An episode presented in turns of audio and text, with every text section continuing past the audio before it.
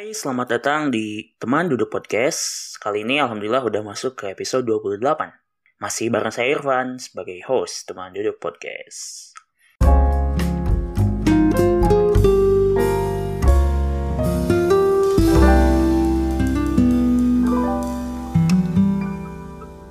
Baik, di kesempatan kali ini saya pengen ngobrol aja seputar menulis.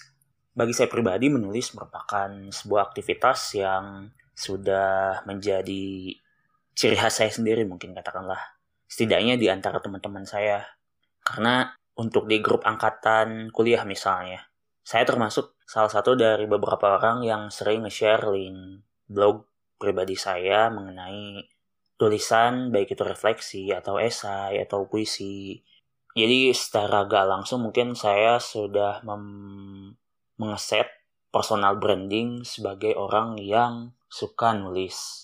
Tapi juga di masa depan saya sebenarnya belum terlalu punya target yang gimana-gimana perihal menulis ini. Tapi saya menargetkan untuk senantiasa produktif menulis. Tapi nggak cuma produktif doang, Jauh dari itu, saya juga ingin menulis dengan memberikan sesuatu hal yang baru, baik itu dari segi apa yang saya sampaikan, kemudian bagaimana cara menyampaikannya sehingga teman-teman pembaca itu nggak cuma mendapatkan apa yang ingin saya sampaikan, tapi juga mendapatkan rujukan bagaimana sih menulis esai yang baik. Misalnya, eh, saya sangat terinspirasi oleh cara menulis Mbah Nun atau MH Inun Najib. Beberapa hari belakangan saya membaca salah satu buku berisi kumpulan proses kreatif para sastrawan di Yogyakarta yang diinisiasi oleh Balai Bahasa Daerah Istimewa Yogyakarta yang dua di antara tiga editornya adalah Pak Iman Budi Santosa dan Mas Latif Latif Esnugraha yang juga menulis buku tentang Mbah M. Hain Najib. Saya belum baca secara keseluruhan proses kreatif dari 50 sastrawan yang ada di buku tersebut. Jadi bukunya bentuknya e-book. Saya dapat dari web akademia. Saya lupa lagi siapa yang mengunggahnya di akademia tersebut. Tapi karena saya rasa itu bagus, saya download aja dan baru saya baca beberapa hari lalu. Mungkin dua atau tiga hari yang lalu.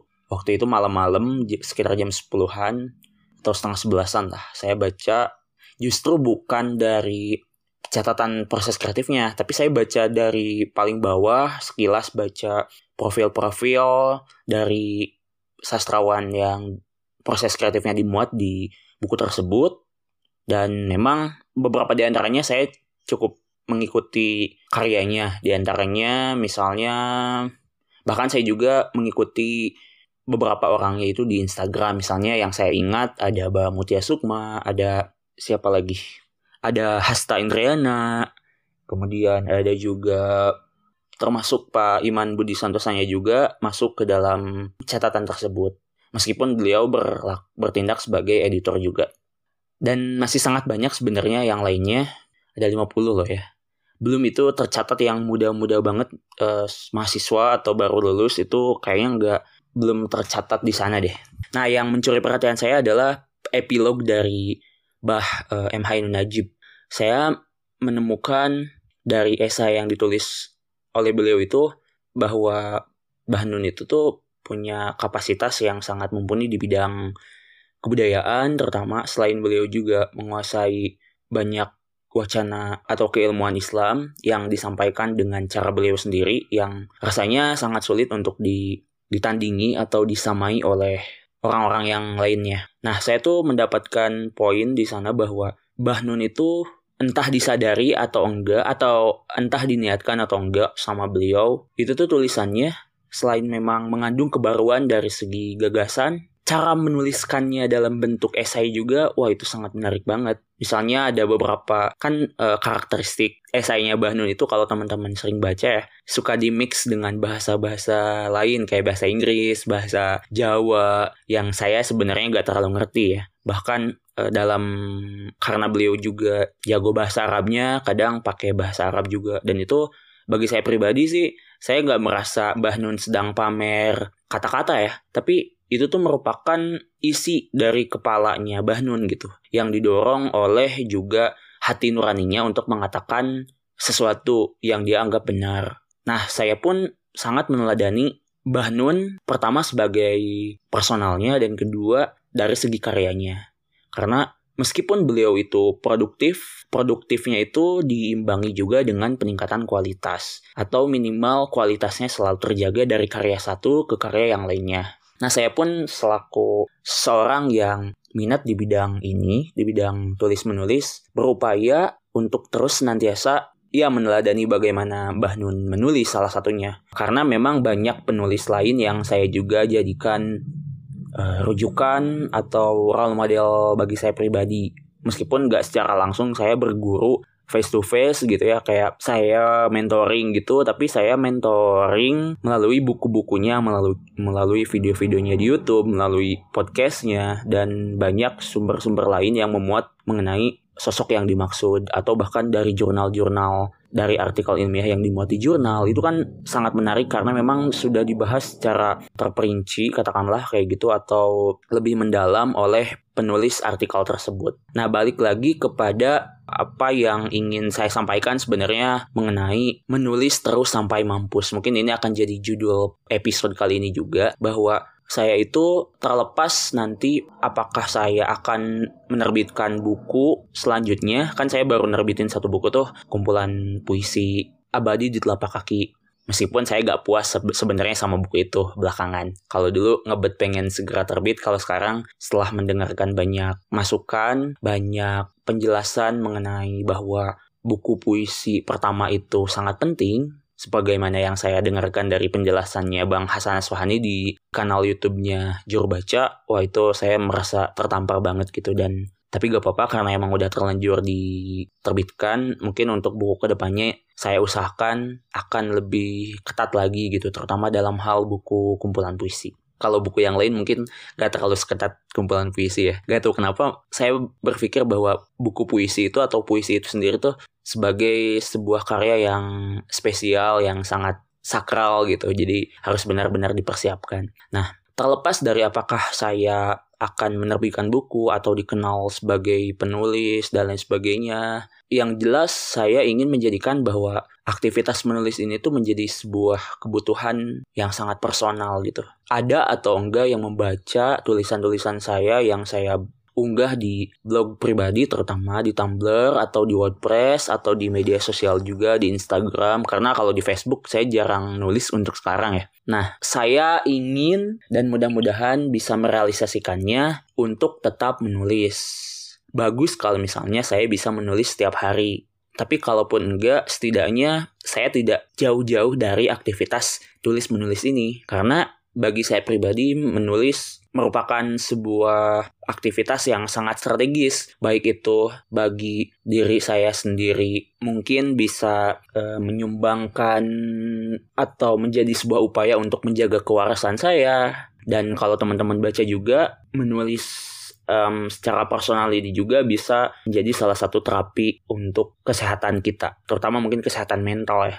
Nah um, Selain itu, saya juga menunjukkan apa yang saya tulis ini sebenarnya untuk keluarga dekat saya. Meskipun ya agak apa ya orang tua saya, bapak, mama saya tuh teteh saya juga gak, gak sering baca tulisan saya. Tapi mudah-mudahan tulisan-tulisan yang saya tulis itu bisa dibaca oleh keluarga kecil saya nanti, oleh istri saya, oleh anak-anak saya. Setidaknya mereka bisa membaca ulang atau mengetahui bagaimana keresahan seorang Irfan di usia 25 tahunan atau 2 atau 30 tahunan. Saya sepakat dengan apa yang menjadi salah satu motivasi dari Kang Fad Pahdepi dalam menulis yaitu bahwa Kang Fad itu menjadikan dendam sejarahnya berupa bahwa ia lebih mengenal tokoh-tokoh Indonesia, tokoh-tokoh bangsa Indonesia kayak Soekarno, Hatta dan sebagainya lantaran para tokoh tersebut menulis, menulis buku, menuliskan pemikiran-pemikirannya dalam bentuk buku yang bisa dibaca kapan pun. Sementara kakeknya atau ya kakeknya katakanlah itu nggak menulis buku. Makanya Kang Fad menulis banyak hal dengan tema yang beragam dalam bentuk yang juga beragam itu tuh sebagai upaya untuk membuat keturunannya nanti anak cucunya juga bisa membaca gagasan-gagasannya. Nah, saya terinspirasi dengan apa yang dilakukan oleh Kang Fad. Dan saya pribadi gitu, kayak ketika membereskan buku-buku di rumah gak membereskan sih sebenarnya kayak melihat-lihat lah gitu buku catatan bapak saya mama saya ya meskipun gak terlalu intens menuliskan catatan pembelajarannya misalnya ketika kuliah dan lain sebagainya saya mendapatkan sesuatu yang banyak gitu apalagi memang ketika diniatkan tulisan tersebut untuk memberikan manfaat juga bagi orang lain. Wah itu pasti akan terbaca dengan sangat baik oleh yang membaca. Kalau untuk bentuk tulisannya berupa jurnal harian, itu kan berarti kalau misalnya gak dipublikasikan secara luas kayak catatannya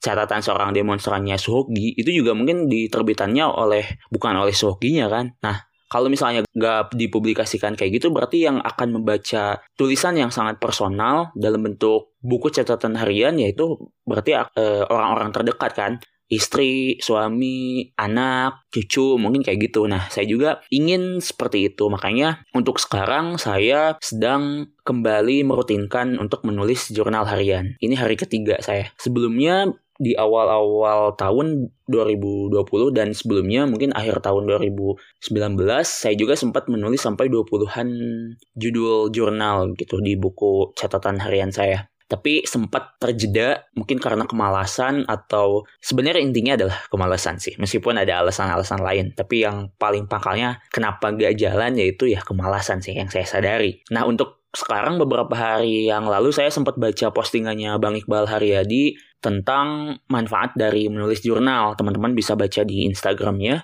Nah, kemudian saya juga jadi ingin menulis kembali secara rutin setiap pagi sebelum melakukan aktivitas apa pun tentu setelah sholat subuh ya saya menuliskan apa yang terpikir pada waktu itu pada pagi hari tersebut gitu. Ya apa pun. Misalnya saya nulis tentang kegelisahan saya tentang tesis yang belum saya garap karena sebuah kemalasan karena sebuah keraguan apakah akan lanjut judul ini atau enggak. Atau Kadang-kadang saya juga menuliskan apa yang saya dapat dari podcast. Tapi meskipun belum sih sebenarnya ada kalau dari podcast, tapi untuk pagi tadi misalnya saya cerita tentang apa yang saya dapatkan dari penjelasan Dr. Farudin Faiz mengenai cerita uh, dari Laila Majnun yang ditulis oleh Nizami. Saya merefleksikan bahwa ya ini hasil dari penjelasannya beliau gitu bahwa kisah cintanya Kois kepada Laila yang akhirnya menjadikan dia gila,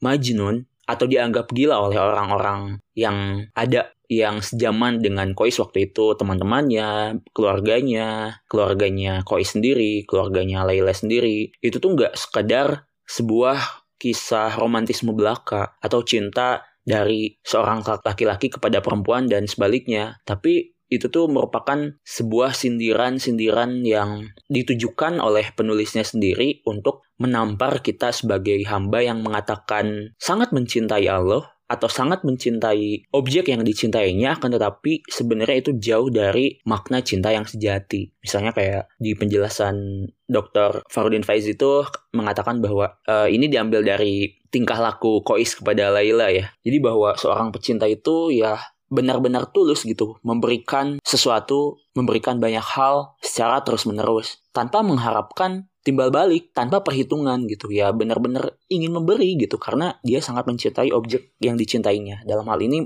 mencintai Allah. Dan orang yang atau seorang hamba yang mencintai Allah akan senantiasa menyebut-nyebut namanya tanpa disadari karena itu sudah menjadi dorongan dari dalam dirinya jadi orang-orang yang awam mungkin akan bertahan untuk menyebut-nyebut namanya dalam beberapa menit saja. Tapi seorang pecinta sejati yang sudah mengetahui hakikat objek yang dicintainya benar-benar tulus dari dalam hati, maka dia akan tergila-gila dengan apa yang dicintainya dan akan senantiasa merindukannya jarak menjadi tidak ada, jauh dan dekat menjadi sirna, yang ada hanyalah keterpautan hati antara dia kepada yang dicintainya. Dalam hal ini Allah Subhanahu wa taala. Nah, hal-hal yang seperti itu yang bisa dijadikan sebagai bahan um, jurnal harian gitu. Dan saya juga pribadi sih pengalaman sebelum-sebelumnya dari jurnal harian tersebut bahkan lebih jauhnya lagi bisa menjadi bank ide bagi tulisan-tulisan kita ke depannya. Jadi gak ada tuh istilahnya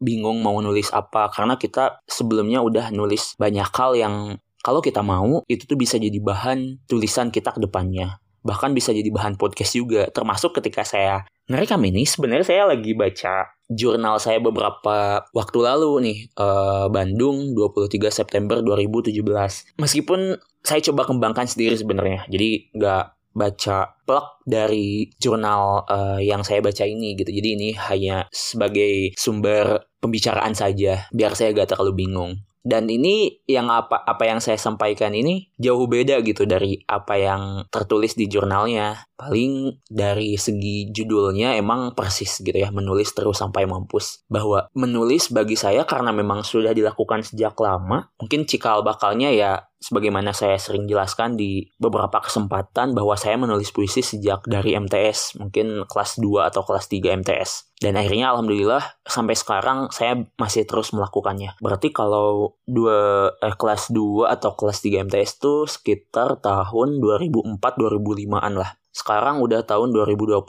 berarti sekitar 15 tahun atau lebih sedikit dari itu. Dan saya memang merasakan manfaat dari menulis ini gitu. Nah, bagi teman-teman yang dengerin episode kali ini, boleh tuh nulisin jurnal harian sebagai salah satu metode untuk merapikan pikiran kita. Bahkan lebih jauhnya, uh, sebagaimana saya jelaskan tadi, akan menjadi bank ide, juga akan membantu kita untuk lebih semangat menjalani hari, katakanlah, karena sebagaimana dijelaskan Bang Iqbal bahwa menulis jurnal harian itu tuh menjadi sebenarnya kita lagi ngomong sama diri sendiri gitu. Kita sangat boleh sama sekali gak dilarang untuk bahkan mungkin beberapa orang memang membutuhkan suara-suara dari luar dirinya dari teman-temannya, dari orang-orang yang dia percayai untuk membantu menyelesaikan problemnya sendiri. Tapi dengan menulis jurnal, sebenarnya kita juga sedang mengajak diri kita sendiri untuk memberikan solusi atas apa yang sedang kita bingungkan, kita resahkan, dan kita butuhkan. Setidaknya dengan menuliskan sesuatu, menuliskan banyak hal dalam pikiran kita itu ke dalam bentuk tulisan, itu tuh akan membantu merikan, meringankan beban kita. Dan Bang Iqbal di postingannya itu juga selalu menekankan untuk menuliskannya bukan dalam file komputer atau laptop gitu, tapi dengan tulis tangan. Jadi poinnya bukan di tulisannya bagus atau enggak, tapi kita menuliskan apa yang ada di pikiran kita. Karena kan emang gak ditujukan untuk dibaca oleh orang lain juga kan, gitu. Nah, buat teman-teman yang udah melakukannya, wah itu bagus banget. Saya apresiasi dan saya support.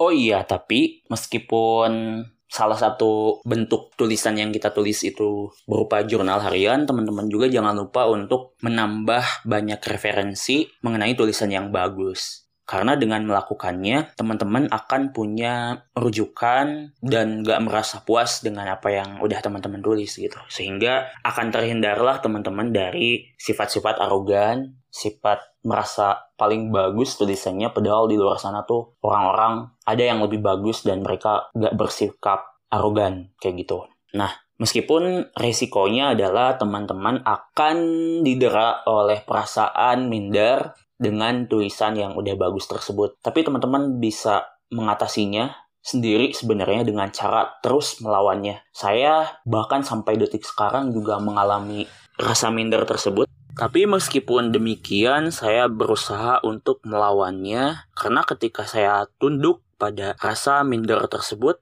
pada rasa insecure, ya saya hanya akan kalah, berhenti, dan menjadi seorang pecundang gitu. Lagi pula sebenarnya kita gak mesti membandingkan dengan perbandingan yang sangat jauh dan gak seimbang gitu. Karena biasanya kita membandingkan dengan orang-orang yang udah mulai jauh lebih dulu dan berusaha lebih keras. Yaitu kita bakal jomplang banget kita bakal gak ada harga dirinya di hadapan mereka katakanlah kayak gitu. Tapi ya kita membandingkan dengan teman-teman yang startnya duluan sama kita. Atau memban atau klisenya dengan diri kita di masa sebelumnya di hari sebelumnya. Kayak gitu. Tapi tetap teman-teman harus membaca banyak hal. Dengan membaca banyak hal, teman-teman akan senantiasa bersikap tawadu dan terus merasa harus untuk belajar membaca, mendengarkan banyak hal dari orang lain dan ya tetap rendah hati. Nah, saya akan menutup episode kali ini yang dadakan sebenarnya tapi saya udah meniatkan untuk bikin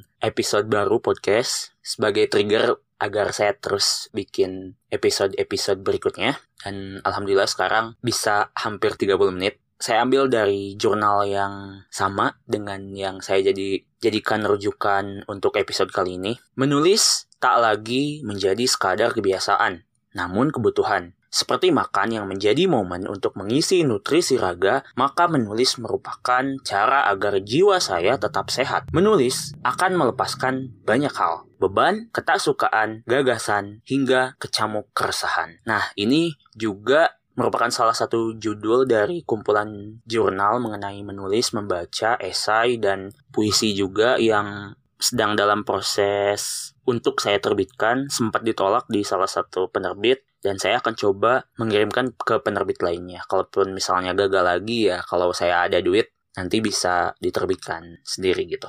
Jadi mohon doanya ya teman-teman. Dan teman-teman bisa support podcast saya dengan cara membagikan atau merekomendasikan podcast ini ke teman-temannya. Dan kalau misalnya berkenan juga, boleh banget kalau lagi atau udah dengerin podcast ini bisa screenshot dan posting di story Instagram teman-teman dan tag saya at Irfan Ilmiah. I R F A N I L M Y A H. Agar lebih banyak orang yang mendengarkan podcast saya. Gitu. Makasih. Assalamualaikum warahmatullahi wabarakatuh